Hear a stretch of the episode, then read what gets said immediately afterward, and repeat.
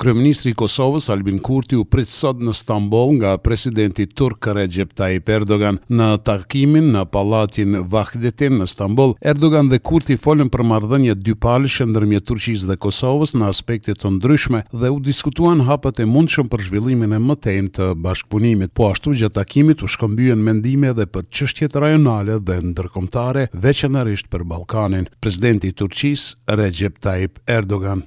Ne po vazhdojmë përpjekjet tona të përbashkëta për të siguruar që Kosova të arrijë pozicionin e merituar në arenë ndërkombëtare.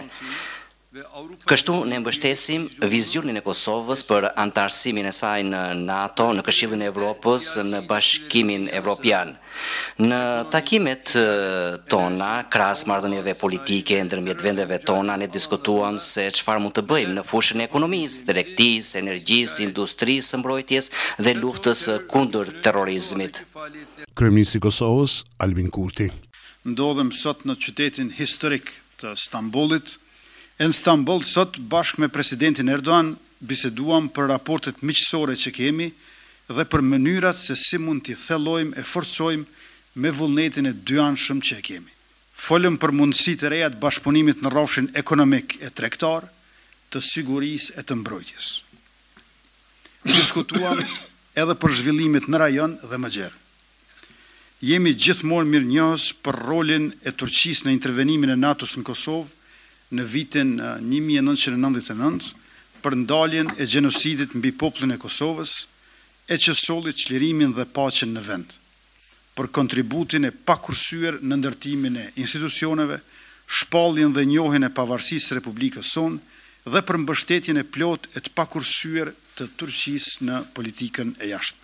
Kryeministri Albin Kurti para deputetëve në Kuvendin e Kosovës ka prezantuar gjashtë kushte për ta pranuar themelimin e Asociacionit të Komunave me shumicë serbe. Asociacioni duhet të jetë në përputhje me Kushtetutën dhe ligjet në fuqi në Republikën e Kosovës. E dyta, Asociacioni nuk mund të jetë monoetnik. Duhet të ndërrojë emrin, Para vendosjes së Asociacionit, strukturat ilegale të Serbisë në veri shuhen dhe bëhet dorëzimi i të gjitha armëve ilegale. Asociacioni është pjesë e marrëveshjes finale dhe zbatohet pas njohjes reciproke. Dhe gjashtë, Presidenti i Serbisë i tërheq letrat e dërguara te pesë shtetet anëtare të BE-së dhe tek të tjerat për mospranimin e aplikimit të Republikës së Kosovës për anëtarësim në Bashkimin Evropian, Deklaratat e tij kanë nxitur reagime të shumta nga ana e deputetëve opozitarë, të cilët kanë thënë se kryeministri Kurti më në fund po e pranon Asociacionin, një kauzë të cilën e ka kundërshtuar në të gjitha format kryetari i LDK-së, Lumir Abdixhiku. E dëgjuat edhe një herë kryeministrin, foli tre minuta, por s'e mohoi thelbin kryesor, Asociacioni po bëhet. Po bëhet, kjo është thelbi i diskutimit të tij. Dhe këto gjashtë kushte që po i flet kanë një emër. Mund t'i interpretoni me fjalime më gjata, më shkurta. I thojnë respektim i kushtetutës së Republikës së Kosovës. Më pas edhe shefi i deputetëve të PDK-së, Abelard Tahiri, tha se momenti kur kryeministri Kurti përzgjodhi të japë lajmin për krijimin e Asociacionit të Komunave me Shumicë Sërbe, përkon me seancën e Kuvendit të Sërbisë në të cilën raportoi presidenti Vuçiq. Duket të jetë një koordinim i mirë mes dy liderëve, pra mes kryeministrit tonë dhe presidentit serb Vuçiç, të cilët në të njëjtën ditë, në të njëjtin moment, janë duke japë lajme të rëndësishme për drejtimin që do të marrë kjo marrëveshje. I dërguari i Shteteve të Bashkuara për Ballkanin Perëndimor, Gabriel Escobar, e ka quajtur udhërrëfyes të mrekullueshëm planin franko-gjerman, ndërsa ka thënë se shpreson që të dyja palët ta pranojnë dhe të fillojnë menjëherë zb. zbatimin e tij. Për Asociacionin e Komunave me Shumicë Serbe, Escobar ka thënë se Qeveria e Kosovës e ka obligim ligjor ngase ajo nuk është marrëveshje ndërmjet Kurtit dhe Serbisë, është një marrëveshje mes Serbisë dhe Kosovës, tha Escobar. Ai përsëriti se Asociacioni nuk do të jetë një Republika Srpska dhe se do të jetë komplet në përputhje me ligjet e Kosovës. Në anën tjetër, kryeministri Albin Kurti ka ripërsëritur se Asociacioni njëetnik në Kosovën me kushtetutë shumëetnike nuk është i mundshëm. Kurti thotë se është kryeministër i të gjithë qytetarëve të Kosovës dhe është i gatshëm të përmbushë kërkesat dhe nevojat e qytetarëve sërbë dhe çdo pakice tjetër. Shumë ma tepër ka shqiptarë në Serbi se sërbë në Kosovë. Pakicat kombëtare në Serbi janë gati njëzet për qind. Pakicat kombëtare në Kosovë janë rreth shtatë për qind. Pra, Asociacioni i komunave me shumicë sërbe në Kosovë, e Presheva, Medvegjja e Bujanovci, ta kenë vetëm atë Këshillin Nacional, atje, është e padrejtë, e dëmshme edhe e papranueshme. Nëse Serbia dëshiron që në Kosovë të ketë zgjidhje njëetnike, le ta provojë një herë në shtëpinë e saj.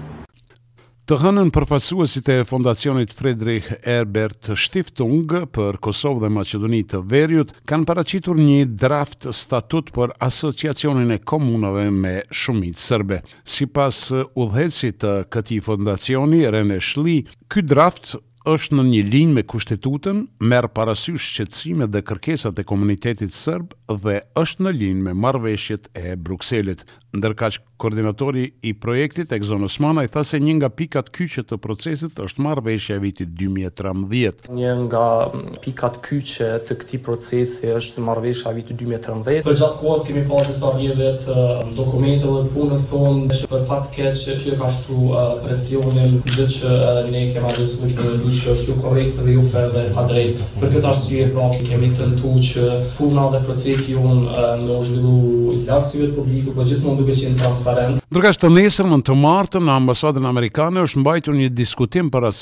Asociacionin, ambasadori amerikan në Kosovë, Jeffrey Hovenier pas diskutimeve në ambasadë ka përsëritur thirrjen që të zbatohen të gjitha marrëveshjet në kuadër të dialogut me Serbinë. Sot janë bërë njëzet e tre vjet nga masakra që ndodhi natën mes tre dhe katër shkurtit të vitit dy mijë në veri të Mitrovicës. Në këto dy data, grupi i ashtuquajtur, Rojat e urës vranë dhjetë shqiptarë në mesin e të cilëve fëmijë, gra e pleq. Sipas dëshmitarëve të kësaj ngjarje, operacionin e vrasjeve e kishin udhëhequr Dragan Delibashiq, Oliver Ivanoviq dhe të tjerë. Për këtë masakër, Gjykata Themelore në Mitrovicë në vitin dy mijë e katërmbëdhjetë shpalli fajtor Oliver Ivanoviqin dhe e dënoi me nëntë vjet burg për krime lufte ndaj shqiptarëve gjatë dhe pas luftës në Kosovë. Për Radion SBS, Mendu Hysa, Prishtinë.